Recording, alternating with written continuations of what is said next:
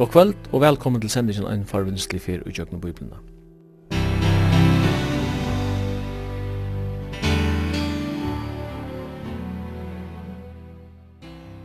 Henda sending er at høyre lindene, hvert mykje kvart klokka 19 og endersendt vi er fyrir 17 mars klokka 15.30.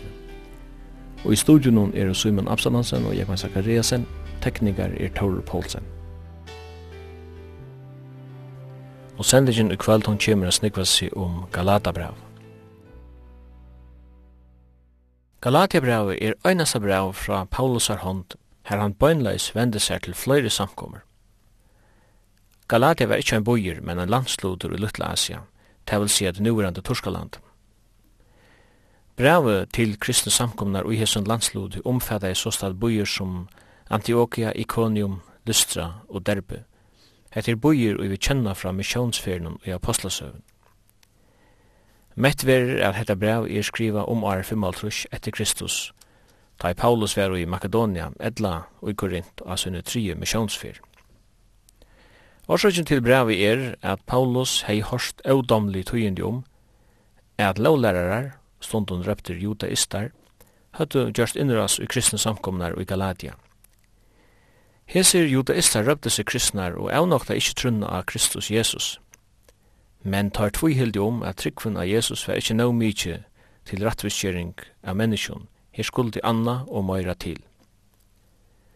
Tei Galatia kristnu skuldi nu, sambart judaistanar, leda seg omskjera og tvingast at halda lov Mosesar fyrir a vinna frelso.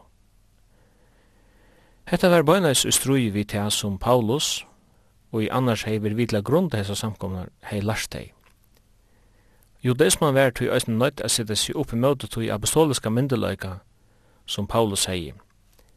Tui skriva i Paulus Galatiabrav. Bravet teler seks kapitlar.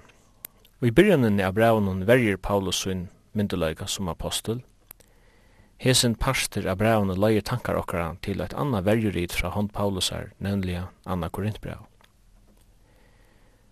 Kapitlanir 3 og 4 i Galaterbraun er ein tangrøyasta frálæran i allar bibelen om motsetningar som lov og nøye, trygg og versk, sikning og bann, trælakår og sonarkår og så framvegis. Angin ivi er om at judaisman atlai er herrar i trunne tja dem tryggvand i Galatia. Men Paulus slær fast at Kristus hevur kjept mennesker til fralse og ikkje til religiøsan traldom. Galatabrævet er stundur røpt fralsesbrævet Mikla. Luther segi om Galatabrævet, heter mitt bræv, er tro lovar vitt tui, te er mun ekta kona. Seinast av tvær kapitlaner i brævnum tævelse kapitel 5 og 6 er praktiskar løybøyningar og ameningar om kristna løyve. Seinast i ørenden i brævnum lysa hvordan au sjálfsøkjen høvunderen Paulus er. Han sier mittel. Men er Lengt verda fra mer er rosa mer, utan av krossi herre okkara Jesu Krist, vi kvarren heimren i krossfeste mer og i heimenon. Tu kvarsi tevera omskåren, eller tevera av omskåren, er neka. Alt ver om er vera nudger skapningur, og så mong som hese regler fylgja, iver taimon veri frier og miskun, og iver Israel gods. Heretter gjer anjumer og ofri, du jeg bere merskir Jesusar av likam munnen. Nei, Herra, okkar Jesu Krist, veri vi andatikkara brøver. Amen. Og jeg kan nå ikke om du har samme hokkbor i for Galaterbraun som Luther hei. Luther, han elskar i Galaterbraun. Vi vet at tvei av undlingsbrøvene og i nødgjøsmentet for Luther var Rombraun og Galaterbraun. Og jeg, jeg må si at det at sammen med Luther og mange nøren, så må jeg si at hetta dette brevet, har det er rætt skilt, så er det brevet som, så er det brevet som viser okken så og meddeler vel hvordan vi kunne og eie livet okkara, kristna, sanna kristna liv. Okkar anna har vi givet hessen brevet, hessen brevet titlen Fri fra lovene, tog ikkje utan lov. Og det er en gåur titel.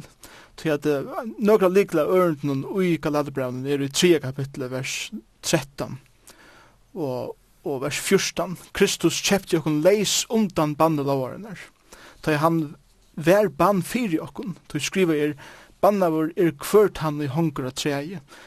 Kvoi, Fyrsten ørne, fyrir at sikning Abrahams kunti i Kristi Jesu komme i vår hedningarnar, så vidt vi trunne kunde få andan i lover og, og til akkurat her kontrasteren mittlen at, at skulle liva et lov eh, som kan vi det træler til versk, det er versk lovarinnar, for jeg kunne oppnå at jeg til 100% eller tan 100% skala som god krever for vi kunne rett vi kjørt, men vi kunne ikke klare han, tog hever god sjølver givet kun Kristus, og vi Kristus har finnet andan, og Paulus viser av i Galaterbrann at det er vi andan at vi nu liva til nødja eh, liv i fralse, som er ikkje er utan lov, men under en nutjar lov, som vi kallar for lov Kristusar, som er stort og som eisne vi får kraften av liva fra, eh, fra heilig andan sjálfum.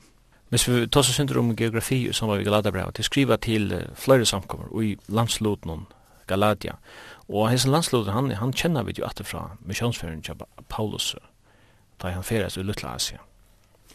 Ja, det er til pur Et, et, et som er avverst ta vi vil lese im bøker om um Så fer det jeg sier jo i hver bok som vi leser, at det er tver teorier om hver Galatia la, hver så samkomna lov som, som Paulus skriver til. Og, og faktisk er det en nok stor eh, spurninger som bibellærer eh diskuterar det som har diskuterat lunch och till tvär teorier som som vi kallar för den norr galatiska teorin och den sur galatiska eh teorin. Den norr galatiska teorin säger att vi så hittar efter Galatia rent geografiskt och sövliga så så så var det såles att det var det, det var det gauliska folket som som kom västan från österut. eh flere hundre år fyrir krist. Og Galatia er sånn det, en, en etlig gammal landsparser. Og de finner så dette navnet Galatia fra Gaul, Galatia, kommer så til navnet. Og de bosettest, faktisk kan man godt sige, ut til landsparsten som var kallet for Galatia rent geografisk, og de var norralige i uh, Lutlasien, som, som det der kallet for Torskøye. Så helt av norr i jøkken, helt oppe motor Svarstehavnen, faktisk eh, Jack Galatia. Og anker heldur at, at uh, Paulus får her og er misjonsforsynne eh, på onker måte kom han her opp til en feres mot Efesus og så får vi til tro altså inn i eh, Europa og på en eller annen måte kom, kom han til her og han grunden jeg kan sanke om her selv om vi ikke heva eh, skrive om det Det er så en teori, og så vil sagt at han skriver et her brevet, han sender settene i livet, tjassar, stutt åren han var, han var setter fengehus til samkommunar her. Men uh, ta tidsi etter tog tog teoriene som er mest grunn til å bære hver Galatia la rent geografisk som er landsparter, så har vi ikke nekva hattlokken til rent søvlig og helders bøybelst at Paulus nekker nekrandøy stående i sankum her, til vi vet at han var forever av hele andan, er færre når etter. til leser vi om i apostelsøn. Så er det den, den sur galatska teorien som sier at vi må hitje etter eh, Galatia rent politiskt, til at landsparsen Galatia eh, tek at heite som ein romersk provinser, og, og til inkludera i eisne landsparstane som lå heilt der sore vi sorsondene av Torskoinen, som er Pisidia, Pamphylia og Klikia. Og det var tær landspartene som Paulus og Barnabas fyrir oss til fyrstu misjonsferierna, ta i der grunda og samkommunar. Og i i Antioquia og Iconium, Lystra og Derbe, som vi leser om i Apostelsen 13 og 14. Og så så er han til regjen sier til at ta i Paulus så kom atter eh, fra til ferien, som atter til eh, Antiochia og Syria, her som var sendt fra første fyr. Ferie det her samkommet der, og, og eisen i åren han fyrt til Jerusalem i Apostelsen 15, er få alt det til leve, vi kjent heim som eh, lærer til at en kristen må gjøres jøte for at bli en sann kristen, så vi er. Så her hette her eisen spredt seg til her samkommet der, som Paulus og Barnabas grunnt av, her i Antioch i Konum og Derbe. Og hesser eh, hese lege lærerne, hese lov lærerne, tar er færne, kommer til sankumnar, og tar er brinter at undervise at du måst gjøre sånn jøte, du måst halda lovene, du måst lade de omskjere, om du skal være en kristen. Og tar er eisen sett spurningar vi eh, apostoliske autoritet Paulus er, og hver han vær, hver den rett lærer som han lærte, og så videre. Paulus skriver til Galaterbrev til ter sankumnar, som han hever grunta eh, av første. Og jeg tykker at det han eh, teorien som kanskje hever det hotlasta bibelska grunderleie. Og, og tog vil jeg sjåve færre vi til sover eh, galatiske teorien og sagt at dette brevet er skrivet til alle her samkomna som Paulus grunda i av første misjonsfyrsynet og så mittlen første misjonsfyrna og er misjonsfyrna medan han er i Jerusalem i Apostelsen 15 og er samme så sender han til brevet til samkomna i Galatia for at oppmuntra dem og avvisa av apostoliska autoritetssyn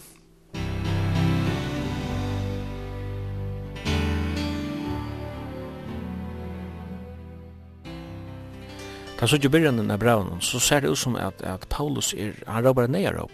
Vi var jo under støven i Galatia. Eh og i jøkken brau ser man eh, brot ur löven och Paulus han han kommer vi i tilboren og ur sin egna løyve, og det er rettelig typisk, da man skriver et vergerit, og parster av Galatabran er et vergerit, og så Anna Grindbrev er. Uh, ta nøys man øysen i at underbytja sin autoritet, vi sier hvor man er så tar kommer også fram i Galaterbraun. Men han forteller om sina tøy i Galatia, hvordan de prysa og seg lukkelig, de, for jeg bruker hans egne, Kristus ble maler opp for dem, og det var en, en veldig glede i Galatia, og det var så glede for, for Paulus, og for mannen som hei lært dem om Kristus, at han sier om det, at hei, det borde ikke til, så hadde de skratt egen ut og gyver med deg. Og anker mener at det kan være en avbending om at Paulus hei, hva er ikke skjer om? Men det vis akkurat som at det er en, en kølt hånd som er kommet i samkommet, i Galatia, eller samkommet her. Det skal så være mye lyde til åren det gjørs kaldt. Selv om man kan ha haft eh, et så størst band, kan man godt si, ved Paulus, så, så, så er han og Barnabas farnere steater, tog en gonger, og anker andre kommer inn, og bryr så iva om det som Paulus heilarst Og ta i hesten even som kommer inn, så, så, så er det så er det kjøtt at folk ventast. Og til det som Paulus tar vi lesa Galaterbrevet, han, han brukar øyla harstmål, man går seg han er øyla harmalt i sin brev, og i imenskum bråten finnes han ekvelia harlig et hesten leseren, folk i Galatia, fyrir at de så kjøtt venda, venda seg fra eh, grunnlærerne som Paulus hei, hei lærste, Og vi kan vise av nokkur døme, dømes åra bruk som Paulus brukar, for å viser av hva han heldur om situasjonen som er hendt i Galatia. Han sier til dem i første kapittel vers 6, er omtrist av, og at det er det største år, at han sender han sender malleiser, er omdrust av at tid så kjøtt leder deg venda bort fra hånden og kallet deg vi nøye Kristus er til anna evangelium. Og det som man sier her til, til det ventet kom fra tykkere, kan man godt si fyrsta kærlega, eller fra grunnlæren til anna falska lær, til et anna evangelium. Og så sier han i kjenda verset, som til anna anna er, best er nekker som vittla tykkun og vilja rannsnikva evangelium Kristus her. Så her, her så vi beina vi at her er nekker personer som er lovlærarar, eh, judister, som er komner inn og ta vilja vittleia, og ta vilja rannsnik for evangelium Kristus er. Og det er det som han undrar så, at de langt har vent seg eh, fra tog som Paulus lærte det.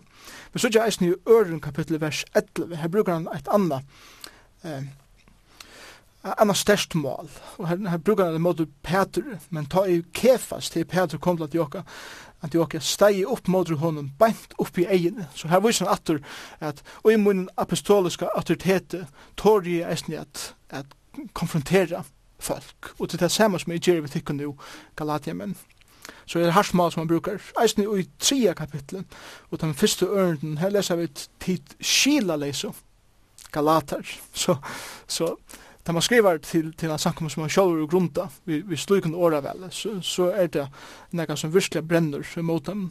Hvor hever ganta tikkun, tid som Jesus Kristus var maler for egen som krossfester, og så, og så leser han eh, vujere, eh, så løyte skilja dit, sier han i trigjørd, til byrja vi anda, ferden er enda i holde, så nekv hava det rønt til anches, og så vujere. Vi leser eisen i, i fjóra kapitlet, vers 12, et anna eh, størst uttrykk som, som, man, som man brukar.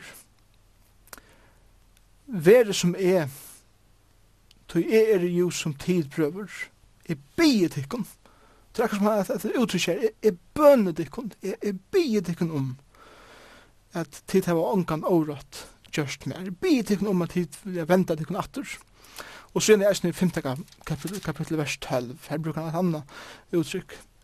Jeg vildi at her skulle skåre seg sjálvar sundur, teir vi vittleia tikkum. Ølja, ølja kraftut mål som han brukar arbeid.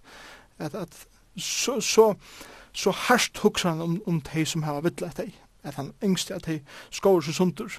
Allikevel, så er som breven og hver han brukar øyne harstmål, så så gjør det eisen her er mavur, som er nøyerykur, som er kærlagsfotler, som elskar folk som han, som han skriva til, og det er en utrolig god jaun i middelen at finnes det et, men han finnes det et i eimjukleika og i kærleika, og da så gjør vi i eh, fjorda kapitlet, og i vers 19 og eisen vers 20, her så vi Paulus, vi han i hjärsta, Jeg vil de engst, eller hvis vi leser lunsjene vers først, bøtten mine, så her sørger vi atter et uttrykk som man ofte brukar, bøtten mine, som er no atter føye vi kvølen enn til Kristus i våren kjønnskritikon, jeg vil de engst, eller verkjøtikon nå, og kunne tala vi ærere rødt, til jeg er rallis tikkum vi kjent.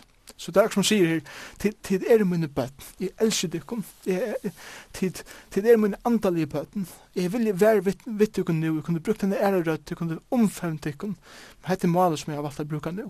Og og til det som jeg kjenner Galaterbrevet, Galaterbrevet er et brev som jeg skriver eh, til en avvisar avvis omstøver kan man kanskje til avvis omstøver og til vi tog fri eie at rattleia vittla lærer som, inn, som er kommet inn i, i i Galatia og tog er han brukar det til målet allugal og i kærlega og i nai Galatabrev er faktisk en, en avværing om ta, ta kristna liv eller fokus som kommer vekk av Jesus så kjøtt at du endar ut i deier og kaldar formalisme Ja, det er ikke jeg også tog og det er så vidt atter og atter, rent søvelig. Spørningen er, altså, ta Jesus Kristus ved tidsen borster ur fokus. Hva kommer i stegen? Og alt annet som kommer i stegen for Jesus Kristus, for jeg vet lege og ta for før kom ut av, ut av gøter som for bare før kom til, til det ønta og ut i nei. Og det er også rent søvelig, for jeg kom atter til Marsen Luther. Marsen Luther er en av mine favoritten, en maver som virkelig virkelig yngste og tørte at fylgja Kristus etter lykka mykje hva det kosta i. Ta i han uh, vær munkur og han, uh, han tante i klossen, så, så var det alltid sin trobla i sjånen at, at han sa at det som den katolska kyrkjan praktiserer i, alle disse ritualene, alle, alle disse statuene som der tilbå, og og alt det som var kommet i stegen, eh, fyrir Kristus, og han spurte læreren kjøsar og leieren kjøsar, så kvett, kvart bruk vad det är till att det alla dessa ritualenar och statunar och allt det som vi røyna praksera, kvart kvart kan hjälpa det också och det er så att vi vysen då att det var goffri hattar och hattar. Man säger att vi måste ta allt alt bostur, det det kan feia alla ritualer, alla statuer, allt det här som, som inte fokuserar på kristelig, att ta det bostur. Og så spurte jeg en leier i sjånen, ja, men altså, hva skal du så sette stegen? Så vi tar alt det her bostur fra falskjennom. Og han sverre jeg, Kristus. Vi skulle det Kristus i stegen. Og, og det var akkurat som det var det som byrja i å åpna sjånene av Luther, at hvis vi får det her menneskelige, det som vi har sett i steg for Kristus, borster og få Kristus atter og i sentrum, og i, og i, og i ja, og til innan seg okkar andelig liv, så fer okkar andelig liv at blomstra av nudgen at det ta er det anden kjem til, og Kristus vil fokuset, så fer a skapa liv, et spilder nytt liv, som fer a gjer okkur fralse, men ikkje en fralse som er utan lov, men en fralse under lov Kristus er. Ta sex om om han kjente kinesiska trobaren Washman Nee. Han vitja i London og i, i Trua til Arn halde det vær. Og så visste der om sightseeing, London. Og så får vi landa inn i Westminster Abbey, vi og og Wistjonen, og han hukte seg rundt og kring, og så sier han vitt ja, vi tar også i avgoda tempel i Kina. Ja, det burde rett. Ja, det er som annan som, som var viste rundt og i romerska region og tar viste og, og alt silver. Det var en tøy, det var en tøy i romerska røyken hver silver var det i silver, og, og det hadde så veldig statuene som var gjørt ur silver og mødige materialen. Og, og hessen, hessen med var spurt, så hva held du med det her? Altså, hva, hva, er det ikke fantastisk at rysene ved, ved deg? Og han sier, det ene som skulle bruke seg statuene til er at, er at smelte det nye og, og bruke silver og nødgjøn er det her som vi har bruk for det. Og det er akkurat som det samme vi, vi til andalige løyvene. Vi har, vi har fullt av museum hvis vi brukar det andal i myndene, ja, vi hittar etter okkara flotte bygning, og vi hittar etter okkara flotte ritual, og alt det som ser så øyla godt ut, åttan ifra. Men jeg tykker at vi burde tidsi nekv eusen her som vi sutja så størst, vi burde omsmelta det og brukt det heldur, nekv betre til ære for Herren Jesus Kristus. Og hese kjønnelige tingene, de kunne i verlegan skukka for som hever allt att säga och har allan tydningen nämligen Jesus Kristus själv. Ja, det är helt säkert. Jag tycker att ett, ett princip i min liv och som det borde vara i kjötlen till det att jag må inte stande vägen för att andra folk sutja Jesus Kristus. Så man kan jag kanske själv stande vägen för att människor sutja Jesus Kristus. Och, och det kan vara att jag huxar mer om det, det eh, utvendige, hvordan jeg så ikke ut utenfor, helt enn hitjen og meg selv, og sier rent ærlig, hvordan er mitt liv sammen vi Jesus, og ikke bare noen ritualer. Du nevnte mann som Luther, og at uh, Galatabrevet, det stod hun noen særlig her. Uh, og hvis vi hitje at, at personen Luther, som røndi a gjera nek ting i, i, i verskir, altså fyrir at oppnå en rattvisering, det var det som han ble, kraft ble kraft av som munker, så knappliga, så ser han at um, rattviseringen, hon er vi trygg av Kristus Jesus utan versk, og tror ikke sier til at man hikker et kontrasten at Galadabra blir et kartbra for han. Ja, det er ikke jo så tog, Eit vers som Luther elskar i Uika det var fyrsta vers i 5. kapitlet, som sier, til fralsi hever Kristus gjørst okkur frujar, standet du faster og leder okkur ikkje atur ledja under tjeldomsåk. Og hetta var akkurat som eit vers som, som Luther virkelig tok til sin, at han, han dødde knappt i skilja at det som jeg har strep i mot min liv, at noa, eller oppnåa vi verskun, vi at eh, berja meg sjálva vi har pyna meg sjálva vi har forma meg sjálvan, sånn ek imest i livet, vi har reyna uppnå til Guds rattvise og i tog som jeg kan utinna. Og han nådde aldri her til, og tog var det han sier, jeg heter god, jeg heter rattvise gods, jeg, jeg do ikke skilja, jeg er god, jeg er rattviser. Men så endelig han sa knapplig at vi få rattvise fra gode, som han er gave vi trykva Jesus Kristus, og det som vi tøy filter er nemlig at det som man som kan lade brev allan vegin fra byrjan til enda underviser det er lærer okkon og til til at at, at rattvisjering gods det som okkon vil give eit av tøy tøy tøy tøy tøy tøy tøy tøy tøy fralse tøy tøy tøy og han, han har gjort noen fruer i Kristus. Og så sier han, standet til fast, og Luther han helt så avmedelig fast ved her. Så vi er frals, vi er fri, vi skulle ikke fære atter under ritualer eller trældomsåk, og, og han leie nekv i veien, og han leie sitt egna liv i veien, eh, fyrir ikke at nøyest er fære atter under trældomsåk. Og han levde som et utkast, han var, han var, eh, han var forfilter, og han var tønter, folk lån etter løyvnen, tog at han, han er i sen hva frals er. Og det er mest det at han vender seg fra katolske kyrkene, eller ritualen i katolske kyrkene, og, og det er heter han fyrir det, og det er rønt at få han av døven. Og, og så har jeg igjen til sin dødkjende det. Hvis vi vender atter til judaismena, det som rønt uh, faktisk var kommet inn i samkommen i Galadien, så synes jeg vi at det var ikke avkjent i de første tøyene, som du langt har nevnt, så kjenner vi at i apostelsøvnet at uh, judaistene kom til Antioquia, og ville kreve at de kristne i Antioquia der lade seg omkjøre halda Mosul, annars kunne de ikke bli frelster. Og vi vet også at disse første kristne, de, hadde, de var høytninga kristen, de hadde unga vidan, eller ganske luttla vidan om gamla testamentet, og nødja testamentet, åtte de ikke, de var avhengig av personer som kunne læra deg, undervisa deg, ui, gos året, og det har så ikke kunnet sli opp i skriften her, og det har lært dem i jøkken til på samme måte som vi kunne i det. Og på den måten hadde jeg kanskje også vært lettere offer for bei øynene og øynene som kom inn. Ja, til, til ønske ikke ivamål. Vi leser til dem i oppenberingen et troi at her sier Johannes Sæler til som leser og til som høyre. Og, og grunnen for å si det er, er til at det var nekv ut av den første samkommen eh, som var frelst, som var træler, og som kanskje ikke dødde at lese eller skriva. Tøy var det avhengig av at det var folk som kom inn og lære deg, og lese for dem.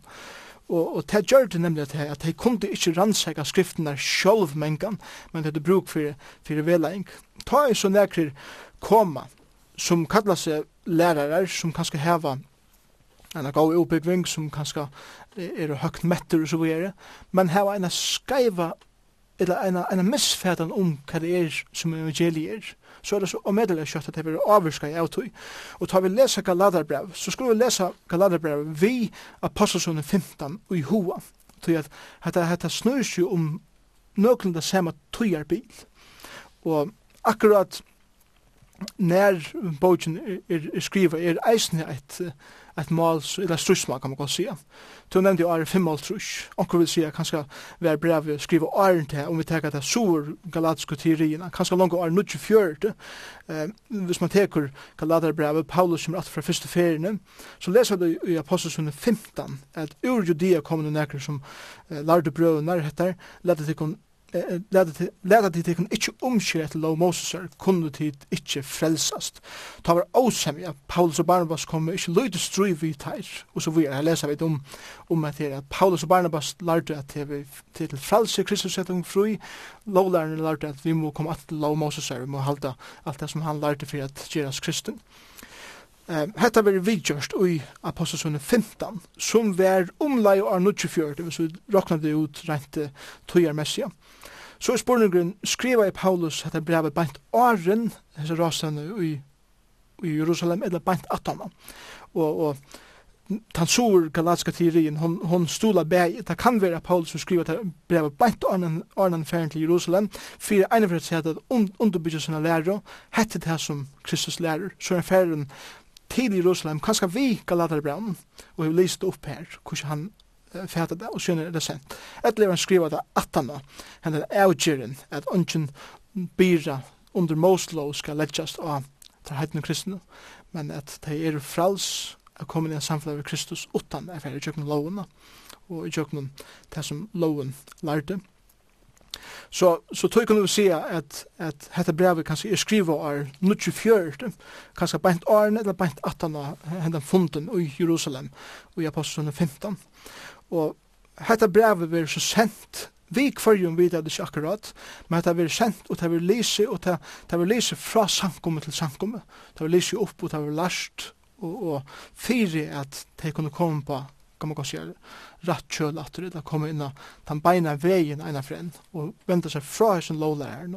Og det måtte Paulus gjøre på en måte. Han måtte vise av først og fremst sin apostoliske autoritet. Jeg til at hese hesser lovlæreren lærte at Paulus han er ikke samme autoritet som vit heva, til at han var i Jerusalem, ta i den første samkommet byrja, og så videre. Det var flere argument som de brukte. Så, så han verger sin apostolska autoritet, kan man godt säga, og i första og øren kapitlet. Men så, tar han just det, så får han vise i 3 og 4 kapitlet, at, at nu, la, la meg nå lære det kun, grunda av skriften der, hvordan tid for rettforskjørt er trygg for eina, bortsett fra lovene, to er tid under nu lov Kristus er.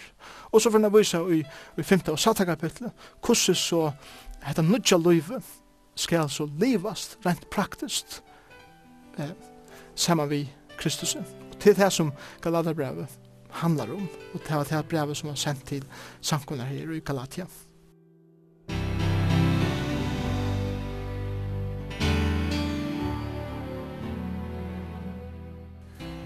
Jeg kan tekkans angst som spyr nu, hva er skøft vi lovene? Ta det kristne i Galatia nu kom i sort og. Jeg mener, hvis vi tok som lovene, så tanka nek på at det tog på inn, ja. At du måste ikke slå i hel, og du måste ikke likva og stjala og alt det der og gyrnast. Og hatt er jo gau moralsk og etiska regler er genget. Er det nekka skøft i oss nær? Men hatt er gau spurning, og ta nemlig at tog ta hos nek, ta strui i middelen, så hva er no loven, og hva er nøyen, hva er trygg, og hvordan um, spurningen er skal man fullkomlig separere det fra hver rundt, eller er det på en eller annan måte flatten i hver sanna, og så er det for jeg sykker helt av myndene, må vi da lukke vel, eh, teg alt sundur for jeg kunne sitte det saman at. Og det som Paulus uh, viser av ui Galaterbrevn, særlig fra 3 kapitlet og, og utetter, er det at loven eh, frelser ongan, til å si det samme som at jødene hadde fullkomlig misskilt lovene, og, og nu tega det sin egnu altså, miskiljing av lovene og røyne at appellere henne til det kristne trunna. Til seg samme som ta i loven var given opprunalig og i er Mosbok 20 her er det tog bøyene og så fylgjande tog ut etter at det er 613 kåtene som vi heva i lov Moses her. Så må vi alltid hitje til lov Moses her og ljósen av er Mosebok 19 og her sier god vi Moses, at hikk, jeg har bjergat ikon ur Egyptaland, jeg har først ikon av arna vansjen ut i øyemersene, jeg har tidsit ikon til moen, jeg har bjergat ikon fra fudjindanen, jeg har tidsit ikon ur tjeldomme, inni jeg fralsi av ve nu til til lova jeg landet. Det var det som god hei gjørst fire usresfolk, da han bjergat dem ur Egyptaland, og, og til får i rum rei hava fyrir søvn øyemersene, jeg heim til Kanasland, eller til Israel. Så sier han i 20. Ørende, nei, i 20. kapitlet, nu, i ljósen av mine nøye, så gjør vi det kunne bo som de skulle live etter. Om de fylltje hessen boven, så kommer de å liva go og sunn liv. Det er si saman som bæg moralst, men eisen det kommer til rennlighet, hvordan de liva rent sosialt og, og, og, og altså, som folk sinne middelen. Vi minnes til det var 30 millioner folk her lei som får ut av Egyptalandet. Eh, fra trældommen. Og, og hette var lov som skulle hjelpe dem at liva som et folk eh, saman med gode. Hatta var han, kan man godt si, at han praktiska sujan av, av lovene. Men så var loven eisen en, en, en mynd på hver god er, så de kunne suttje heila lega gods. Og ta er det offren i offren det kommer inn, at de må offra goden ek, at de må komme til god atter og atter for å være renseg fra sunne sind og så videre. Og det som gjøten gjør det var til at nu hadde det vidt god sier at de må gjøre alt det her for at de kunne komme inn i samfunnet vi med. Hvis det var rett for gjør, så skulle de halte alt det her. Og de glemte er med oss på nøytjan. Det var alt grunn til å nøye fra brienne. Og ta vi så kommer ut i nødja testamentet, så er det her uppfattanden som folk har av loven, at nå skal vi oppnæka fire at kunne tokna skoten. Og, og så sier Gud, ok, altså, det som er krevje, om tid ikke kommer forholdet med er et 100%, 100% standard. Og tid skulle nå at de 100% om tid skulle komme tann veien til mun, kan man godt sige, tjøkken lovene. Men Gud visste sjølver at Ønsken kan oppnå 100% av Guds rattvise, Guds standard. Ønsken kan. Men jødene rønner det alt hva de kunne, men ønsken kan. Og det er det samme som hender her på Nyttestament. Nå lærer det vi at du må oppnå 100% standard tja gode for at oppnå til nøye Guds og til vi at halda lovene. Men ønsken kan halda lovene. Ønsken klarer det 100%. Og tog er, er eh, troar elementer som kommer inn her beint at Nudjensmentet er eisne grunda av nøye først og fremst. Til nøye er god sende sånn som Jesus Kristus, er dødja fyrir sindre menneskjans, så sier han, loven er til at tid nu skal leva tekkara loiv grunda av nøye som det finnes. Men Månen av loven her i gamlesmentet og nudgesmenti er til at, og, og som Galater ble undervisa eisen, til til at loven, lov Moses her, lov heila tidsje, viser fyrir fyrsta, at hon viser at tid er sindafull menneske som ikkje kunne oppnå eh, fullkomna standard gods. Til det som loven viser. God til vi giver öll som bøyene for jeg viser at hva skal tid kunne ikkje klare etter. Tøy er det plan B, og det er at tid må tega mot mer vi trygg.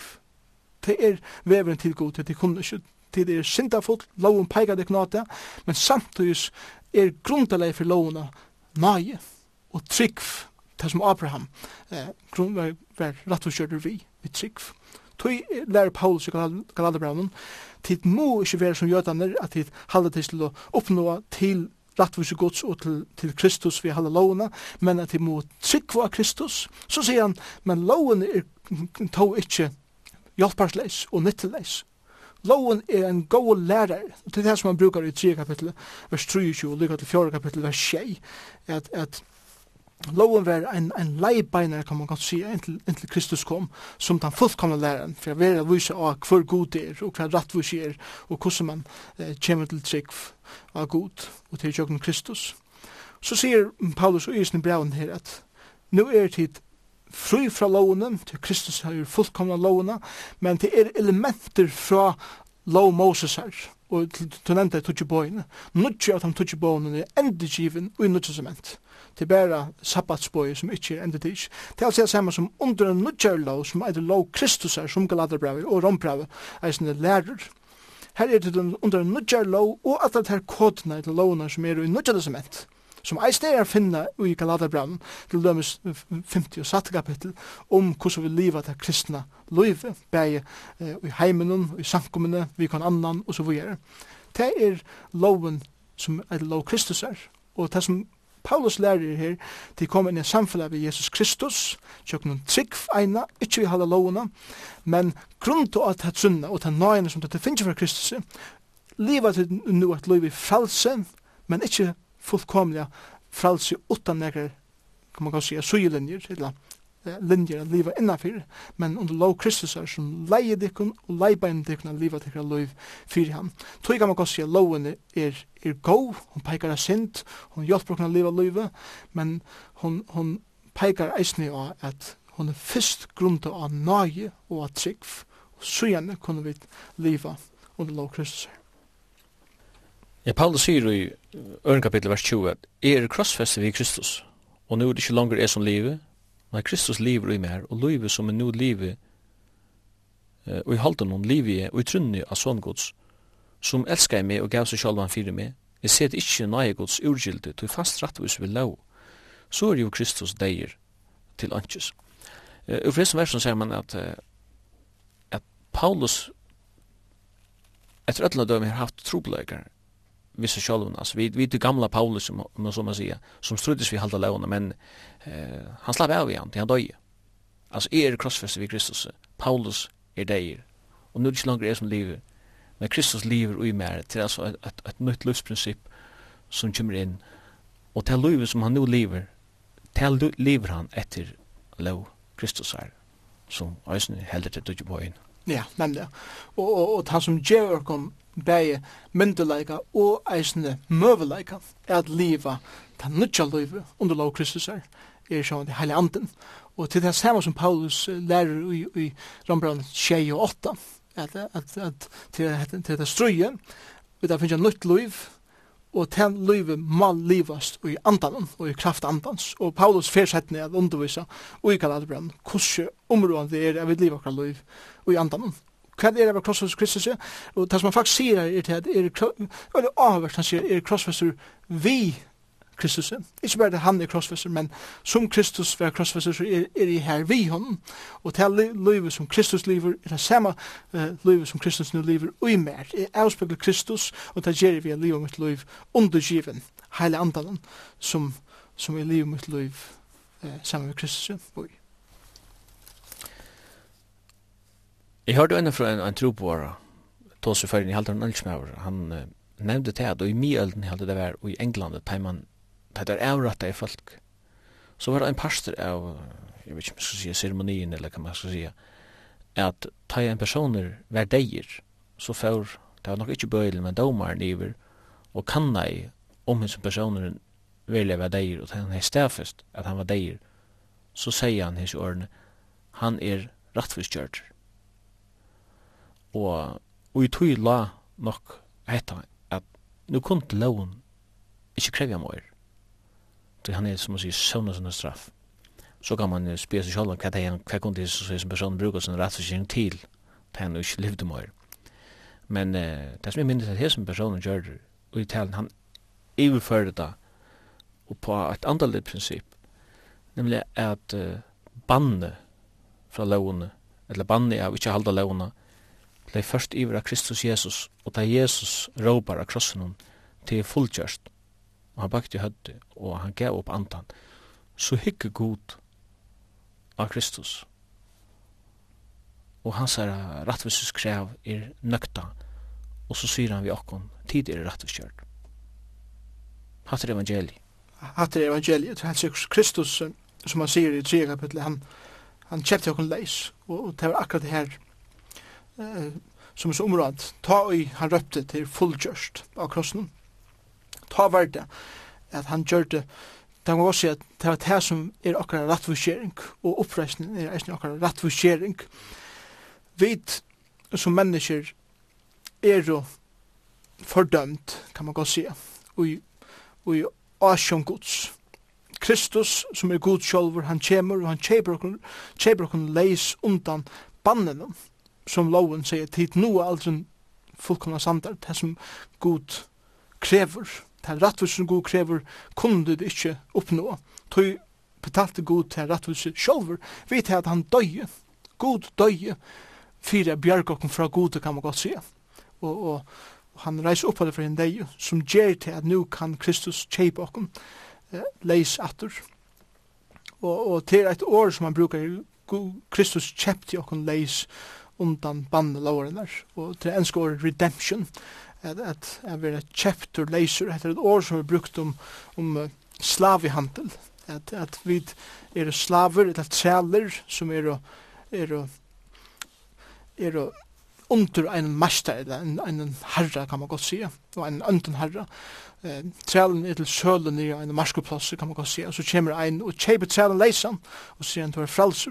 Så, så er det myndet som han brukar her, at Kristus kom inn i trælehandelen, og han sier at jeg kjøper trælen er leiser, og til, til myndet som Paulus brukar her i, i Galaterbrand.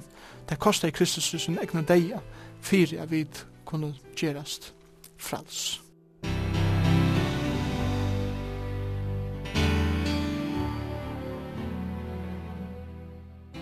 Og som jeg også har også til at her, hva er det rent konkret som sier jo det sånn hava kraft av oss nir høytninga kristne oppi i Galatia. Må det hava kraft av dem det skulle færa trutja fyrir om året til Jerusalem og halde seg imenske høgtunar som jötan skulle halda.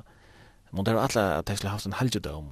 Tu nekva av tusen stendig loven forutsett i mitt land en halgjudom. Hvordan bøyde man loven opp? Ja, at det er en en god spurning at det er øyelig størst evne. Man kan hukse seg at, at hvis jeg er lovlærer er kommet til Galatia, som er ser jeg ta av døven, som er lenge turer fra Jerusalem, eller hvis jeg en galater skulle til Jerusalem, som du sier, kanskje tror jeg fra Mari at komme inn i halvgidomen og gjøre det her som, som einast kunne gjera, gjerast ui tui fysiska templen som i Jerusalem stå, tui at nekva tui som er tenkt at lovene, var tenkt at halgedom, og, og som einast kunne gjerast tui ui tabernaklen, og setni ui, ui templen. Det er samme som at hvis du hitja rent logist etter hesen lovlæren som kom, kom til Galatia, Sjóttum om det ikke sagt i brevnen, så, så kan man godt si at det det innebär det at nu krever det knapplig at disse folkene skulle ferast hundrade vis av kilometren i feire viker ferir som de skulle fyrir at gjer det her som hese lovlærer krevja. Men jeg tykker at rent lokust hugsa at her ikke så lengt sjolver. Det er sier, eller hvis vi teka det ut i æser som tar læra, så krever det at det skal lokal baserast og det skal eisen baseres på en avvisa mentan. Og til det som er så området da man huksar om lovene som er givet i gamla smet, så er loven vanlige hessar 613 kodunar, eh, det vil byttar upp i trutja bølkar. Og den første bølgen er kanskje den moralska sujan av, av loven, som kanskje er det tutja bøyene, og noen andre bøy som har vi moral til, til forhold til god, og til forhold til andre mennesker er gjerne.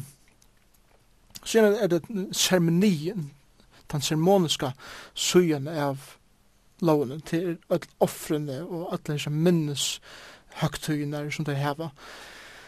Det var noe som var for falske, ut herre situasjonen, ut tarra mentan, ut tarra omstøvun, er at praktisera bæg fyrir at minna deg og hvordan herren og dem, og fyrir at minna deg og at her er godstyrskan og så videre. Og sen har vi det her, kan man kan si, lovarmessige av loven, som har vi rattar søk, og vi eh, ja, avgjerer, til det kommer til lovratt å gjerra eh, til den tria sugen av loven. Hva vi tar, hva skal man gjerra vi til som eh, kommer til å drepa omkring av et eller måste också skifta att du ska in också og, och och i som skal tid. Att det för att hjälpa folken i Israel. De men tre miljoner folken som som här färdas av ved till sitt hemland. Hur kunne de leva som en nation? Til seg samma som ett folk som är rent fysiskt, ett folk altså för en nation skal existera så så måste folk till. Det må ett land till, men det må eisne en lov till. Det er det samme som at ta i folk som kom til landet, så hadde bruk for noen rammen av livet etter. Og det var Moslov. Det var det som loven var. Vanten tja okkon i det, om vi tega Moselov ekstremt til okkara mentan, så tega vi eisne nekv fra tæra egne mentan, tæra omstående som vi er, som vi truste inn i okkar mentan, inn i okkar omstøver, men som sett ikke passa vi vi okkar omstøver. Tøy tar vi, eh, tøy mot hevna er meir regel, tar vi teka eh, okkar tulkan av Moselov. Og tøy er det vanlig at vi lærst at den moralska kåtan, eller ter, moralska lovunar som er givnar ui Moselov, er jo transkulturellar, til seg samme som ter, ter gjelda, öll folk, öll stø, til alla tøyer alt og ja. Ehm um, ein av teimun loven utan tøjebonen er sabbatsbøy. Det er det vurst jo ein ein avvisan der i vikene som vær for ja, for tar mentan og tar omstår så vi er. Men leier det tja folk i ørementen passar ikke lukka væsen gjør seg heimann. Og, og tøy her vi heldur bøy at, at vislo. eh, så at hver dag er lykka mykje hver det er, er fra gode, og vi skal bruka ein dag. Vi skal teka prinsippet fra tui, tui eh, lærerne, og eisne prinsippet enda langt etter er Moslov i givet er god kvilte, kjenta dagen. Tui eier vi eisne av en dag i vikning hver vi kanska eh, halka til at kvila. Tui vi kunne ikke eksistera og leva som god innsjøk kan leva om vi bæra arbeid og arbeid, omgående til kvila. Så, så det er samme som at hver er meir kunne vi teka bors ur tog som Mosul lærer, lærer utan vi teka akra kulturen og akra detaljerna og symbolene av lovene, men hvordan kunne heller teka mer regler av hos lovene. Og, og tog teka vi det moralske lovene, men seremonierna, nekvar er seremonierna som, som var gjørt der ta, eh, her var ikke sier for åkne det. Og eisen det samme vi eh, rattet, eller lovar ratten, og så videre. Nekvar er tog som var gjørt her, er, er det som eh, vesterlenskur rattur og vesterlenskur eh, lovarattur og lov er grunta ta vel fer at at du gropa kvad er vesterlensk civilisation altså rent lovarmessig grunta så er grunta kristendom og eisen eh, nekvna tan bon som kan smet men vi tek ikkje øll til prinsippene men nøkra av dem og, og så er det vi kunne appellera Molo, altså lov Moses her, og i det. Men vi tek ikkje alla, men vi tek prinsipper og meir, eller ur til lovene som passar til okkara omstøver, til okkara mentan og i okkara tog.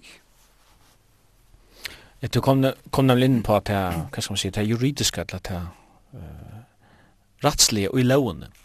Vi vet også at det, det funnes refseregler for han som har brått lovene.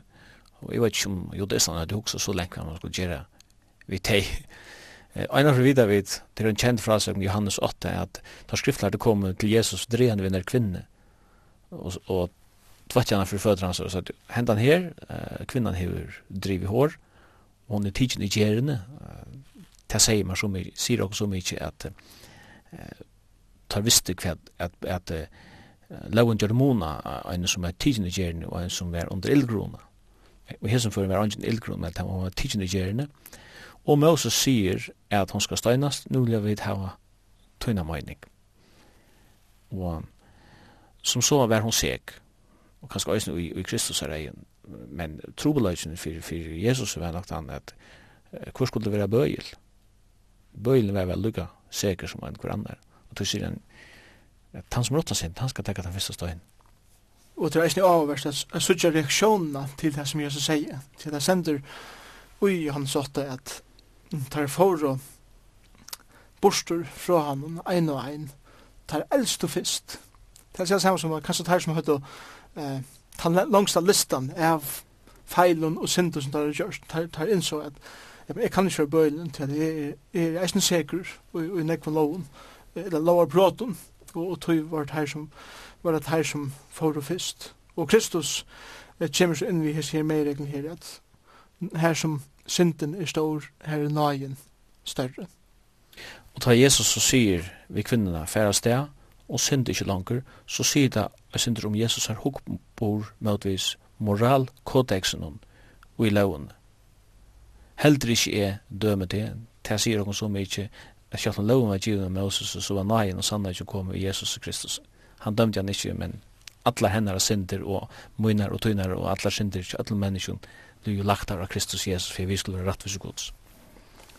Det er ju så att ett en en en annan Jonas som sutja ut som Jesus säger här är det att då läser Johannes 14 så leser vi det at året kom och bostad mitt lokkare, og han fått til nöje og sannleika. Og jeg husker om jaunveien mitt nøye og sannleika. Og vi må ha at han jaunveien og okra kristna løyve. Kristus sier heldur ikke er dømete. Her så vi nøye, her som synder var større, var nøyen større. Men Jesus leier til et sett, og tror jeg det er områdende jeg vil skilja til, fær og synda ikke langer. Det er altså samme som, jeg viser deg nøye, men liv tutt liv ratt heretter. Det er altså samme som, han sier ikke, jeg viser deg nøye og liv bare som du vil. Nei, til, så er det ikke janvøy. Han sier, jeg viser deg nøye, grunnløs nøye, fær og liva et liv som er ratt. Og det er her vi må lære at liva. Og det gjør vi vi at, at, at du er suttja heldar myndene av gamlasmentet, og at hitja det gamlasmentet i ljósen av nudja. Og tog vi er i oppenberingen som vi da finnes i nudja vi Kristus, og, og lære seg javnøyene her, mittel nøye og sannleika. Og så er det sliva vi, trykker vi, og teka hese her, meir regler ur Moselov og ljósene av nøye Kristus og verste Kristusar og Golgata krosset, det som han har gjort. Paulus han fer atter om motivene tja judaisten og, og han skriver bøynes om det i Galatabraun at det som tøy vilje hava til å få tikkun skilta fra så tiskuller uten uien fyrir tøymon og man ser her ambisjoner som folk hava. Vi kjenner at folk hava ambisjoner til, til galdan innan fyrir eh arbetsplatsen och det politiska livet och så framvis att man vill komma sig fram som det vi sagt. Hessar ambitioner kunde kunna komma fram i en eh kristen sammanhang. Det är just det som hände i Galatia. Hade vi en en trobelage som og og ein ein drepande erfaring som samkommer i kyrkjer hava seg alla vinn oppsjøknen kyrkjer samkommer søvna her nekker menn som heva ikkje eit rett hjärsta og ikkje rett nokbor. Og tar komme inn i samkommet her, nemlig vi her fri eia som du sier, at vi innskje at til tjene okkun, vi innskje at opplita okkun sjolvar, og vi innskje ikkje at peika til endelig av Kristus, men vi innskje at nye sida Paulus fri at opplita okkun sjolvar, vi innskje at til fylgje okkun etter, okkara motivun, okkara lærun, så gjer jo ikkje lærun Kristus. Og hesen hesen trubleisen her ver ja at se alla vegin. Han han hevur komið fram i personligheten og i mannen og kvinnen som er komnar inn eller kommet inn i en situasjon om til en kyrkjelig samkomme eller i en kristna organisasjon eller hva det sier vi er som motivene at her skal jeg roa her skulle mine tankar, mine visjoner, roar, mine ambisjoner skulle være det som skal jokkenen trumlast her. Og hette er lagt negg liv, hette er lagt negg var samkommer og kyrkjer, hette er lagt negg familiebond, tjunabond, forhold mellom foreldre og negg, negg anna. Og, og hette er et, et ampo og våpen som Satan brukar atter og atter. Og det er et som næsten brukar det her og i samkommer Galatia. Og tog bedre høyde vi menn som Paulus, som tørde vi høren åren er skriva og amena samkomna. Og jeg vi er vi det bruk for meira mannen som Paulus og kvinnen og det som tår er standa opp og imot personligheten som kom inn i okra sankumna og kyrkjer og organisasjoner at tala det beint opp i andre du sier at tid er fullkomna skreiv vi må vente atter til Kristus vangan ham Pastor av Lussøen, Paulus, hadde vi ikke kjent utan vi tatt galata bra. Han sier sindrom om det første togene at han, at han var uh, blitt omvendt, at uh, han nevner med landa i første kapittel vers 18, at 17 tror jeg rett i fjord i nye til Jerusalem, og lærer Kefas til seg Peter å kjenne, og jeg stekker ikke honom i 15 dager, så han er vært til Peter, og, og Og vi var her og tar ikke honom i utveksla nekvar tankar og meningar om det kristna liv, det som Paulus her vil fortelle, det er heser tølv apostlene som fylltes ved Jesus, som var hans lærersvenner. Jeg har haft tatt kontakt vidt tøyer. Men så sier han også i, i, i snir Galadabraun at evangeliet som jeg har, som jeg har finnet, det har ikke finnet for noen mennesker, men jeg finnet det ved åpenbering. Det er altså Jesus selv som stekker i Paulus av Damaskusveden, og han har finnet flere åpenberinger fra Herren. Nå er det at han har finnet evangeliet åpenberinger fra Jesus. Men jeg sier her, eh, parstene av de kristne lærerne som han underviser i brøven, det er en øyne måte ikke ved åpenbering. Det er ikke benji for å si, bare ut. Og så sier han i kapittel 2, at 14 år siden fjore så at han ned til Jerusalem vi Barnabas og tog Titus vi er for her etter åpenbering så han fikk en åpenbering om affære her og jeg leier framfyrt her særlig henne er mest omhelt evangeliet som jeg prædikar i mittel om jeg måtte ha rennet eller ha runde til Antjus. Så han fyrir ned til Jerusalem og legger det framfor det og sier, hette er det som vi prater ikke, nu kom tilsleppe at med om det og evaluera det. Og der har faktisk kjivet om det blåa stempelet til det han forteller for den tryggvande i Galatier. Så det han hei ikke bare sånne egne åpenberinger at men han hei østene tar tala basslander.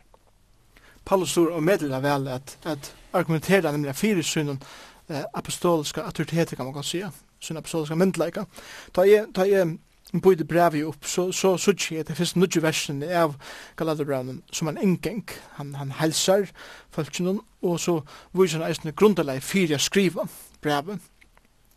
Ta vi så koma til 12. vers i fyrsta kapitlet, og allan vegin til 21. øren, i øren kapitlet, her sutja vi nemlig at Paulus viser, og han peikar fyrst og fremst også sjolvan, han sier, la meg nu vise til ikon, eh, personligt, søveligt, og eisne eh, grunda av autoriteten fra øre mennesken som du peikar ja. Min apostoliska autoritet, eller myndelega. Og, og han byrjar vi nemlig a vise hver han er finne eh, påskapet. Og han, han peikar først og fremst av, av Kristus. Og ta lesa vi om i 11. verset til 24. ørende, at hendan åpenberingen, hendan læreren, hette evangeliet som han finner er her en finnje fra Kristus sjálvun. Vi åpenbering, beinleis åpenbering fra Kristus, at han var omvendur av Damaskusvennen. Uh, og ikkje fra nøkron øron, menneska, eller nøkron øron. Og, og ta oss å komme ut i anna kapittel, og her sutja vi til, til tutsi første versene, og her, her som to peikar jo, fyrstan år setten sier han, at han finnes ovenbering, han er så ferdig om til Jerusalem, og sjalt Laslam og i sankum i Jerusalem som annars er sankum som hese, kan man godt si hese her lovlæreren kommer fra kanskje. Tan sankuman, opprunnelige sankuman, her vi finnes mot stempel fra at læran og åpenbering som jeg finnes fra Kristus er læran som vi bygger okkara trygg og Så det er ekta, det er ekta som man brukar for at uh, vise sin autoritet. Så det kommer fra 11. ørende til, til 21. ørende for jeg viser av autoritet Paulus her, så sier han at, at jeg har eisen hittet vi, vi Peter, og Peter, kjalt Peter, som var rettforskjøtter vi trygg for han Jesus Kristus, fall under lovlære atter, ta i han kom, var i Antioquia, og så kom han nærkere fra Jerusalem, og, og knappt han ut han äter som i hedningarna, han äter svina kjøt, han äter alt mulig som jötar ikke skulle äta. Nå kommer han från Jerusalem og nå får han halda seg fra och hedningarna. Og han, han visar här, og han skriver det allmänt her i Galatbrand 2, at jeg, jeg, jeg taler jeg Peter er bænt opp i anledet og sier at du vender der at du nå til lovene som, tu, som du har bjerga fra. Og hette er en annan autoritet som viser at sjalt er som tid eh, høyre at jeg ikke vil heve jeg hei eisne myndleika at peika av Petur sjolvan, apostelen, at det som han kjørte, det var heldur ikke rett, og han, han fattel eisne og i sunne, ja, og i sunne, og i sunne praksis kan man godt sige, ut til, til andre livene. Så han viser av personlig autoritet, han viser av autoritet Kristus er, han viser av autoriteten i sankun i Jerusalem, og han, og, og han viser eisne av autoriteten som han hever saman vi Petur, apostelen, Jesus. Og, og til argumentet kjønn i første og øre kapitlet, at jeg har en god kjivnan autoritet som er grunnt av min personlig autoritet og eisende eh, autoriteten fra øren grunnleggjeren av samkommet Kristus.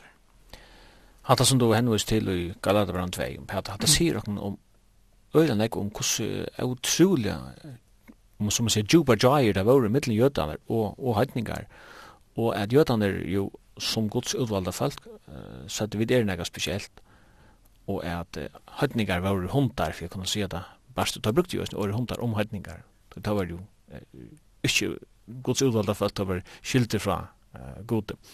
Og vi sykja det i apostelsøvn, at at han er at, at forfølgingen kom i Jerusalem og til blir spjadron, og i lenga tog gikk det og bare prædika evangeliet for jødar, selv om Jesus er videre for ut i allan heimen. Og her er Petrus og stadur i Antioquia og gjennom høytning av kristne boie og i, i samkomne i Antioquia og Petrus er òsne her men nu kom han nekker jøtar og nu blir han bensjen tog han hei samfellet av isar høytninga. Jeg hadde det som suttja her er i Petrus menneskjøtt og menneskjøtt gjer til at jeg, jeg legger meg under en trældom som jeg ikke eier være under. Tog er bensje for hva folk vil si om mitt fralse. Og, og jeg hadde at vi i Vesterheimen det, og i ene sund i alt, skilja slett ikke velja gjønna som vær i middelen jøtar og heidningar. Rent søvelige og mentanalige. Og eisene kan man godt sige, altså rent humanistisk, ta hugsi, ta hugsi om at i ljósen ut perspektiven i sjón jöta. A jöta so sjálvan eh som et menneske som var nekk narri gudi og sum hevur betri fortjent eh kan man godt sige at her er for gudi enn nekk annar hei gjørst. og ta en jød hugt til hetninga så så så han en hund han så et dyr han så et menneske utan sal, han så et menneske som, som anki var verst i for gott som anki kunne gjera eh, for en legen for tjena jeg kunne være rett og kjørt av nøye gods. Så er det så en jød i en hetning. Og, ta Jesus sier det på sånn i eit. Jeg færre ut til byrja Jerusalem, færre så til Judea, så var det ungen trobladj for jødene. Det var, det var naturlig, ok, vi er mitt lakker egna folk. Og Arne Jinko her bant fra Apostelsønne, alle veien til kapittel 8, og god man sjálfur koma og gjør dem man sparsk for å fære langer ut. Og ta Jesus sier til fære til samverjar og til enda gjerrenar. Her er det trobladjen kommer opp at samverjar er først og fremst halve gjøter, til å se som det er hundar, det er tar er blanda blod, tar mixa rasa, tar vil jo ikke vi er og tar vidar det som fra hans 4, at jøtar at ikke samskifte og ikke samfella vi samverger. Somleis heitningar, eh, tar hava ikke oppebord og der kunne heller aldri oppnå rett og gods. Men nu kommer Jesus knappt og sier til skulle fære til de som tid halda, og ikke vi heva. Ta det var en trobla i 24 samkomna i Jerusalem, så var det her snakka som spredte seg til jøder som bor i æresander. Og, og ta, jøder hadde så omedelig ringt vi at vi er godtaka heitningar. Og jeg tykker vi at, at, at, at vi, vi skilja henne trobleikan ta ut hitje etter jødiska og arabiska heimen i det. At tjekven som er i middelen palestinesarar og jødar i det, hon er, hon er så stor som vi vestheimen seks kunne fæte heldur. Og hon er så djup, og hon fyrir så lengt atter, og hon fyrir så djup nyer, at vi kunne oss ikke at se dere inn ut her situasjon, Så størst er hætre, og så stor er tjekven der i middelen. Eisen til å fære til de baltiske landene, og vi færre eh, til, til um, Kroatia og, og alle landene her, middelen muslimer og, og kristen herbeint. Rent etnist er tjekkven så omedelig stor tala med leisene. og til det man kan godt bedre til vi det som hender her, middelen jødar og hetningar, at, at det er så djupt, det er så lengt atter, tjekkven er så brei, at det er ikke bare noen få samreininger og noen få underskrifter som få eh, friulige, eller som få eh, satt i midten folk. Og det er trobeleisen som jødene strøyest vi, og som Galaterbrevet eisne. den situasjonen som Galaterbrevet taler i nå. Ta tidja at hos Paulus argumenterar Galaterbrevet, så sier det er logiskt, og det er systematiskt, og sjálfandi han, han heier en visdom som, som er var given honom, om han er fra, det vet jeg vidt. Men eh, da vi kommer sin langere ut, så brukar han mynter ur gamla testament. Og da vi leser gamla testament, vi leser om Abraham og Sara og Hagar og lovene som er givna Sinai og alt dette forskjellige, så, så, så er det bare uh, søvelige tilborer som vi leser om, og som så uh, tigger gamla testament ikke å kommentere det. Men da vi nu kommer inn i nødvendig testamentet, så forteller Paulus oss at det her, løftsøven til Abraham og Ushmael som blir født, og Isaker hatt er, hatt er andalige prinsipper som er galdande her. Paulus er en i er, vysa og særlig at det kommer til å argumentere i forgjøten tar det egna lærer for jeg vysa dem logikken uthøy som tar egna lærer lærer og i ljøsene hva kristendommen er å bjåa Paulus var mestar i å argumentere og han brukte helt andre argumenter til han så uh, diskuterer vi filosofer i Aten og alt er andre argumenter til han den diskuterar ju och den där övervisa hattningar i i Korint och så här annars. Här skriver han till eh, och i motor hesten lovlæreren, och han brukar Abraham som en mynd, og vi sørger det her i fra 3 kapitel börjar han så hesa lärarna och och här kommer vi till da jeg bøyde bøyde opp. Her kommer vi til, til de tre ivskriftene. Første ivskriften er inngengur, andre ivskriften er personlige verger av Paulus, kan man godt si. Han, han verger sin apostoliske autoritet.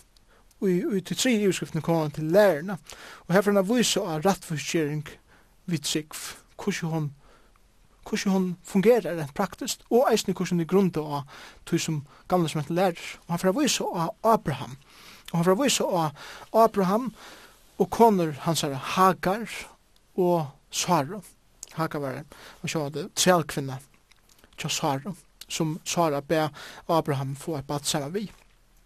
Og han brukar han han, han brukar en allegorisk mynd kan man godt si. Han han han brukar disse myndene av en sjående, en søvligere eh, verlig hending som var i gamle smett. Men han nu sier han, lemne vise eh, allegorist, myndalige kusse, hette her eh, samsfære vi lærerne, vi vise lov og frelse, lov og nøye. Og han sier at Hagar eh, her i, i tredje kapitlet, og vi leser alla vegin fra fyrsta verset, og særlig seks satta til åkjendøren lærer vi om argument eh, Paulus er her. Hagar er en, eh, er en trelkvinna. Eh, som fikk en son som, er, som hun gav navnet Ishmael, som var baden til en trealkvinne, så det var et treala baden, kan man godt si. Sara var en fralsk kvinna, var, hun var kona Abraham. Hun fikk en son som fikk navnet Isak, og tog var Isak et fralst baden, hver Ishmael var et trealbaden, et trealabaden. Så gjerne sier han, en annen menn som vi brukar til, til at Ishmael var, var føtter, kan man godt si, etter holden, for jeg brukar til, til gamla mennesker, men Isak var føtter etter lyften, og til det, til det evnaturlige eh, argument som man brukar her, at, at god, eh, han, han har et, en evnaturlig atlan, visende falskjent, og ta til frelse, jeg sette det fri. Og, og han gjør det til en immunaturen hatt til en Sara var fem Sara gammel til han fikk eh, Isak. Så sier han, la meg nå vise til rent allegorist, myndelig, hvordan det her så hever vi, vi lov frelse å gjøre. Så sier han, Hagar representerer lov Mosesar. Sara, hon representerer den nudjo, den nødjo sattmål, som er grunnt av nøye. Så sier han, at, at, at er kommer til Hagar producerer ein ein ein trældom til sint som loven er sin peikar av at til er synda for menneske og kunne ikke være rett for kjørt eh, ved at halda loven at det kunne ikke halda anna men eh, hver fralse det er Sara det som hon hennar avkom producerar etla hennar avkom er, er frelsa som er sjående fralse Og det er det som, det er det som den nødja livet representerer. Hva er konklusjonen? Og hos argumenten, konklusjonen er til fa trelkvinna borster og det som henne hører til og, og, og tege motor til frelsekvinnene, svare og det som henne hører til og det er tryggvinna Herre Jesus Kristus og frelse som vi tog i kjemur. Så her viser Paulus så eh, hvordan en mynd og en veldig tilbruk gamle kan brukes rent myndelig her for å representere eh, lov og fralse, synd og, og, og frelse, eh, deia og liv. Etla fyrir, hvis vi skulle kjøre det ut av papp, så kan vi si at Abraham er en mynd av trunne, eh, Hagar er en mynd av lovene, Pera vid trygg og lov, så fuast bøtten, til traldom. Stadag Abraham er en mynd av trunne, Sara er en mynd av nøyene, og per du trygg og nøye, så føyer du bøtten etter lyften til frals. Og det er det han sier, men høyra tid Kristus til er tid øsne avkom Abrahams arvingar etter lyfte. Og det, det som han sier her, det er tid høytningar kristne i Galatia, tid er bøtten eller jeg kom Abraham, så det er så ikke var det rett fysisk eller biologisk, så var det bøtten etter lyften.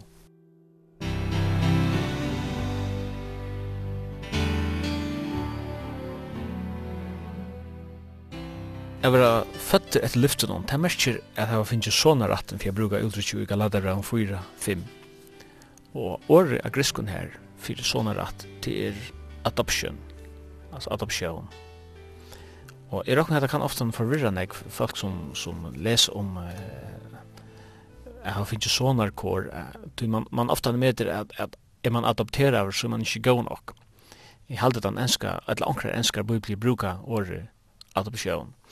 Hvis vi hittir at hodtætsen noen adoption, og det er sånn som det er brukt vanlig, så er det en som er fostraver inni en familie, men ikke nødvendigvis født i familien. Eh, jeg hørte en av fra en søv om tvær bøtjar, eller tvær fosterbøtjar, som er blin avsamde til var ferdig oppe at tjekast. Anna var adaptera vinn familjena, hiva født vinn familjena. Så sier eh, han som var, var fødder, vi hin, er fødderen i som familien her, det er to ikke. Så sverre jeg at han adopterer jeg etter, ja, er finger til, men det er valgte meg. Og det her sier rettelig om månen i middelen adoption. Man kan säga att han adopterar hever nägra framom han som är född. Han hever utväljningsna framom. Men han hever uh, kylskaparband. Men hickar man att Guds året så ser man det att han som är pastor av Guds familje, han är bäg född i familjen, men han är också valt i familjen. Så på en måte är vi bäg adopterar och född. Ja, det här har den en kan man kanske en tvåfaldan eller en dubbeltan sannleik. Jag vet det är vald og vi er eisne født inn i, i familie Guds. Og, og det han sier, sier her i 5. verden at, at for at han skulle kjøpe et leis som under lovene våre, så vi skulle få sånne ratten. Vi er adoptere, vi er valgt av god til her bænt. Han valgte jokken. Men så bruker han andre år vi satt over det, Og av tog at tid er å siner, tid er siner, heve god sendt og gjørst okkara, anda sånar sønns han som råpar Abba Feir. Så her synes jeg en, en prakkfodlan, andalian sannleik. Jeg vet er bøten gods som var eh, åren, bøten tjokken øren, men vi er vald, vi er kjept leis, vi er nu bliven eh, bøten gods, men vi er eisne eh, sinner og dødre gods. er til at ta vi til å komme inn i det samfunnet god, ta få ut eh, en nødja natur, vi er født av nødja, akkur som et, et liv som byrjar av nudgen, sier vi god. Så er det en underfull tvoi falder sannleik som vi hever her som, som bøtten gods.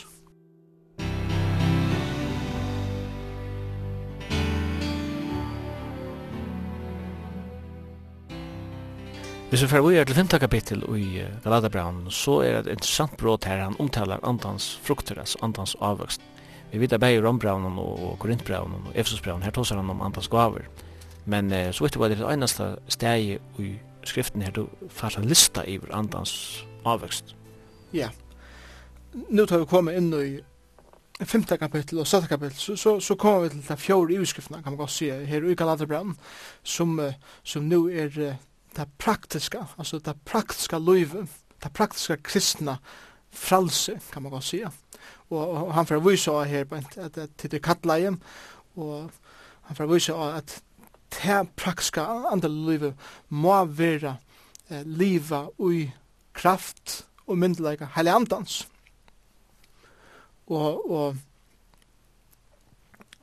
ta ui til livet verer liva ui, ui heilig andans, så fyrir det bare en avvøkst. Og til du kommer til uh, avvøkst andans her bænt ui Galaterbrennen, kapittel 5. Og han ser det da ui kontrast vi versk holdsens. Avvaks andans er setter i kontrast vi, vi versk holdsens. Avtøy at han sier i seksendøren det at jeg sier til kun liv i andan så fullført ikke gjør holdsens. Så viser han av hva gjør holdsens er og så atter at hva så avvaksa andan sier, hva er så urslidi av at liva i andan, eller at genge andan, eller leta andan styra og ha myndleikane til livet. Så får han visa, og her har han lista iver nudje avvokster, her beint. Og Allega, så han sier, men avvokstur andans, altså, altså eintalsår, og i eintal. Men allega, så har vi et nekvar avvokster, her bænt, som er kærleik, glede, fri, og lengt, man vilda, ikke gøska, trofast, spekfyr, og frahald. Det er som her er det nekvar imisker, imis eikjenne som koma av einare eller en, en avvøkst. Som det som drar en elabøy, så er det flere liter i elabøyen. Så det, så det kommer avvøkst andans til, til kjenner, og han kjør kjønnlig og imiskan hatt, men til en avvøkst som anden djever. Måneren av en avvøkst i andans og gaven andans er, er det første er det gaver andans er nekka som er give av andanen, sjølvun, til ein person. En avvokser er nekka som ein person ma, ma, ma, ma bera, og til heil anden som, som ber til ui mer. Et annet som jeg kjenner eh, gav andans og, og avvoksandans er til at gav andans har nekvi tæna seg gjer. Hvordan du tæner, og, og korintbrøvene, og rombrave, efsusbrave, pelsbrøvene, ta seg nek om gaver andans, det som vi da finner fra god til at tjene henne vi, rent praktisk, i det andre løyvnen. Avvaks andans hever meir vi eh, mun karakter eller løyvstil å gjerra, men hukk på hvordan livet, hvordan tale, hvordan er det vi gjør en følelse. Gaver andans ber eisen til å praktisere utan å eh, at løyva, eller utan at heva et innelig samfunnet vi andan stundun. Kan jeg samme som at jeg har finnst gav fra, fra heile andan gods, men jeg kan velja at, at ikke at, at heva et fast samfunnet vi heile andan, men jeg brukar man noen gaver, og sjående som tog en gang som kommer til her suttjast, at nu, nu utfri mine gaver i holden, og, og Men det blir ikke til at, at heva avvokst andans, utan at heva et inneligt og avhaldande samfunn vi har i andre gods. Tog at du kan ikke produsera enn frukt. Du kan ikke komme eikjennes av kærleika. Du kan ikke komme eikjennes av glede, frie, lengma og mildleika, gusk og trofest, spekfyrde, forhalde, utan at det er heilig andre som produserer tann avvoksen ut her, tann avvoksen som, som fyrir a suttjas i munnen hukkbor, i munnen taljaut, i munnen luvs etfyr, og så videre. Så te imuneren kan man godt si, av gavun og, og avvakste andans. Jeg kan nevna tve sånne sentrale ting som trygg og kærløyka. Det er ekvelja sentralt ut i kristna undervisning og lærerne tja apostlen og østene. Trygg tillist mellom gavunar, kærleiki, ta tillist mellom avvöxten. Man kan säga att gava er som så nekka du møtteker utanfra, medan en avvöxt er som kommer innanfra, nekka som producerar og lyser lindig eller karakteren som du nevnt. Anker har sagt, hvis du, hvis du vil ha vite om at tre er sunt, så blir du ikke tega en bor bor inn i stammena og senda det til et eller annet laboratorien for å checka tog du kan bare frukten fruktene. Det sier mer enn alt om treet, hver tilstand det er i. Og så ser det at det kanskje det kristna løven. Ja, at det er en, en ekle gåmynd som, som du brukar her. Og jeg så at, at det som akkurat løv er kjennst av utvendig, er nemlig prekvi på hvordan det ser ut innanfyr tjåkon om jeg lever et liv som alls ikke jeg kjennes av hos her, jeg kjenner av hos andans, så er det her preg på at jeg har ikke samfella vi andan som, som vi mer er. Og kærleikje er sjående en, en oppoffrande, tredaleis og kærleikje, som ikke krever nek at det fyre, men som djever, og som djever, og som djever. Gleie er, er et år som, som er nær tenkt kan man godt sige kærleikan Så at eit menneske som ei kjenner seg kærleika, eit menneske som ei kjenner seg av djeva, er eit menneske som ei kjenner seg snar gled, god elskar gleian djevare. Og, og ein, ein som er kærleiksfodler og er fodler av glede for eisne å finne fri. Og det er det samme som en frier som ikke er avhengig og helst en glede som er avhengig av omstående men lika mykje hos omsorgen er, så er ikke kjennes mitt liv er frie. Lengmå, det det hever vi, vi tål å gjøre Jeg vil tålen, at jeg halte lunge ut, selv om det nekk pressa min liv, så, så er det så er det tålen. Mildleitje hever ikke vi at det er gjerra, det kan ikke bare nittje for jøtlen, men det er nekka vi styrstja jeg gjør. Mildleitje til at jeg sier her til, og ikke langer. Gaska, somleis, trofeste, er et år som kommer fra trygg.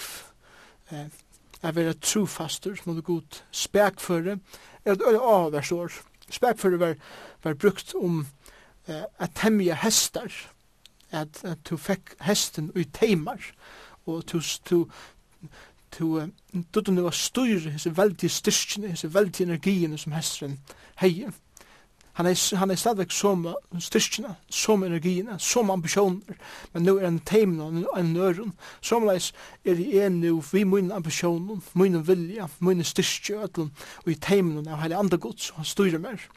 Og så gjerne frahalder et år som hever meira vita seksuella, eller kinsliga gjerra, at jeg halder meg fra tog som dolkar mitt liv rent fysisk, og eisne og i munni hoksan og så vi er, at jeg halder meg reinan fra heimen og alle med regnen eh, framfor Asjon Guds.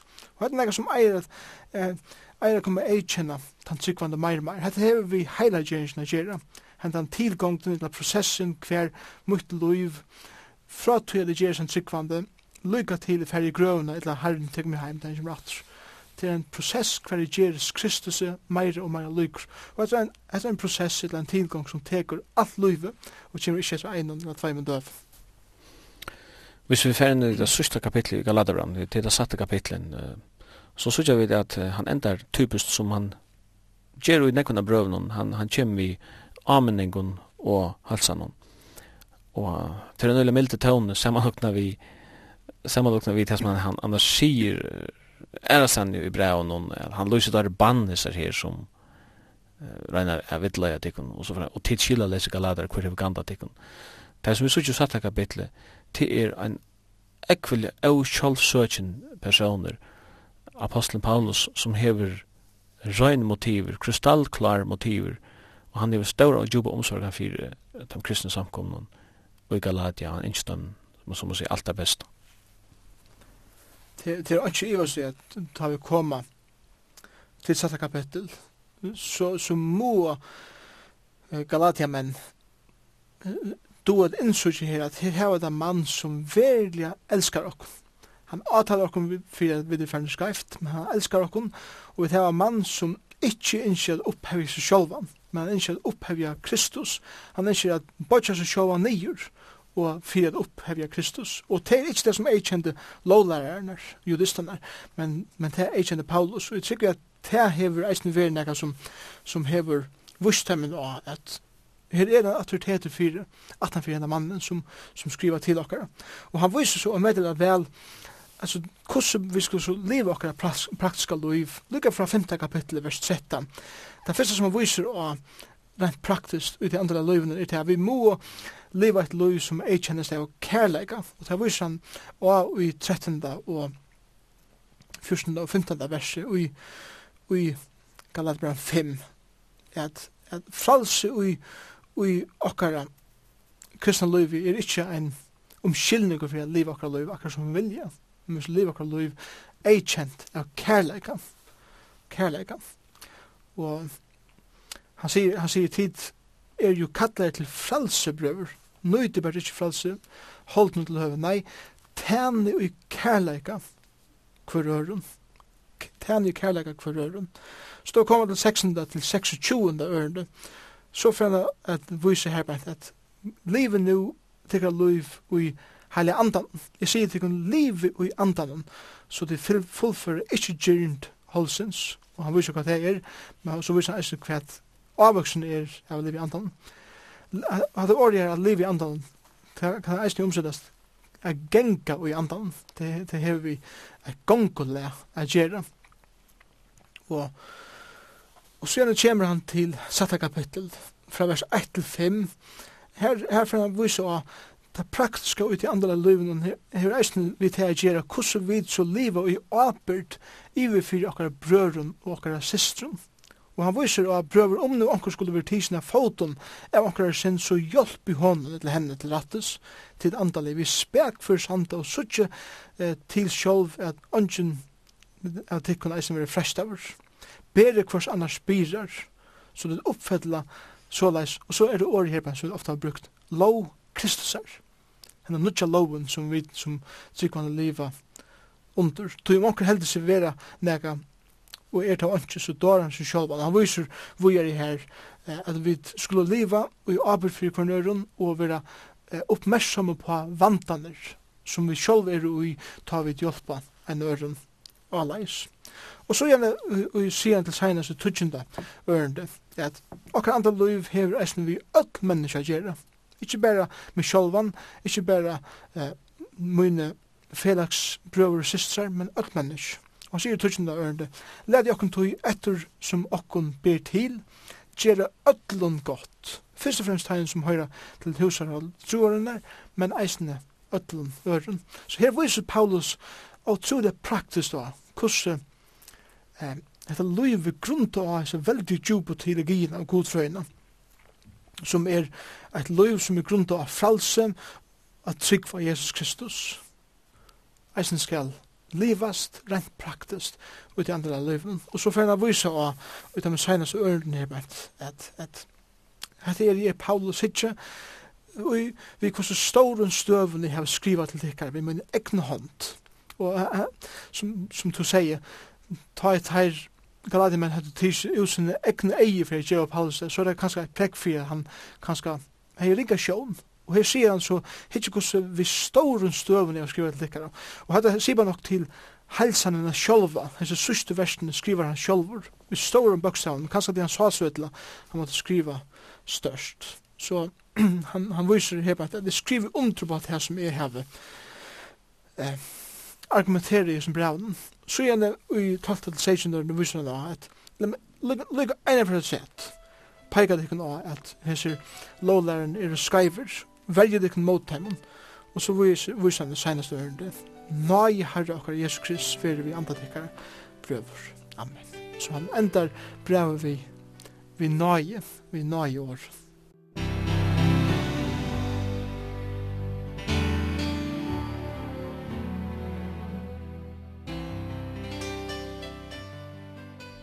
Og vi hesen er vi kommet fram til endan av sendingen og en forbundeslig fyr i kjøkken biblina.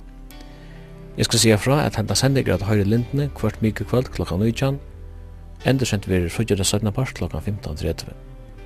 Og i studion var Simon Absalansen og Jekvann Zakariasen, teknikere var Taurur Poulsen.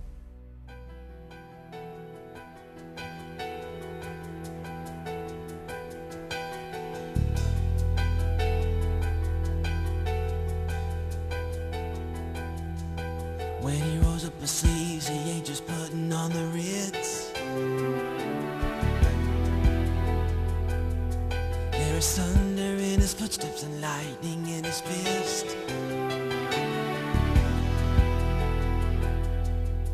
The Lord wasn't joking when he kicked him out of Eden. It wasn't for no reason that he shed his blood. His return is very close and so you better be believing That our God is an awesome God. Our God is an awesome God. He reigns from heaven above with wisdom power and Our God is an awesome God.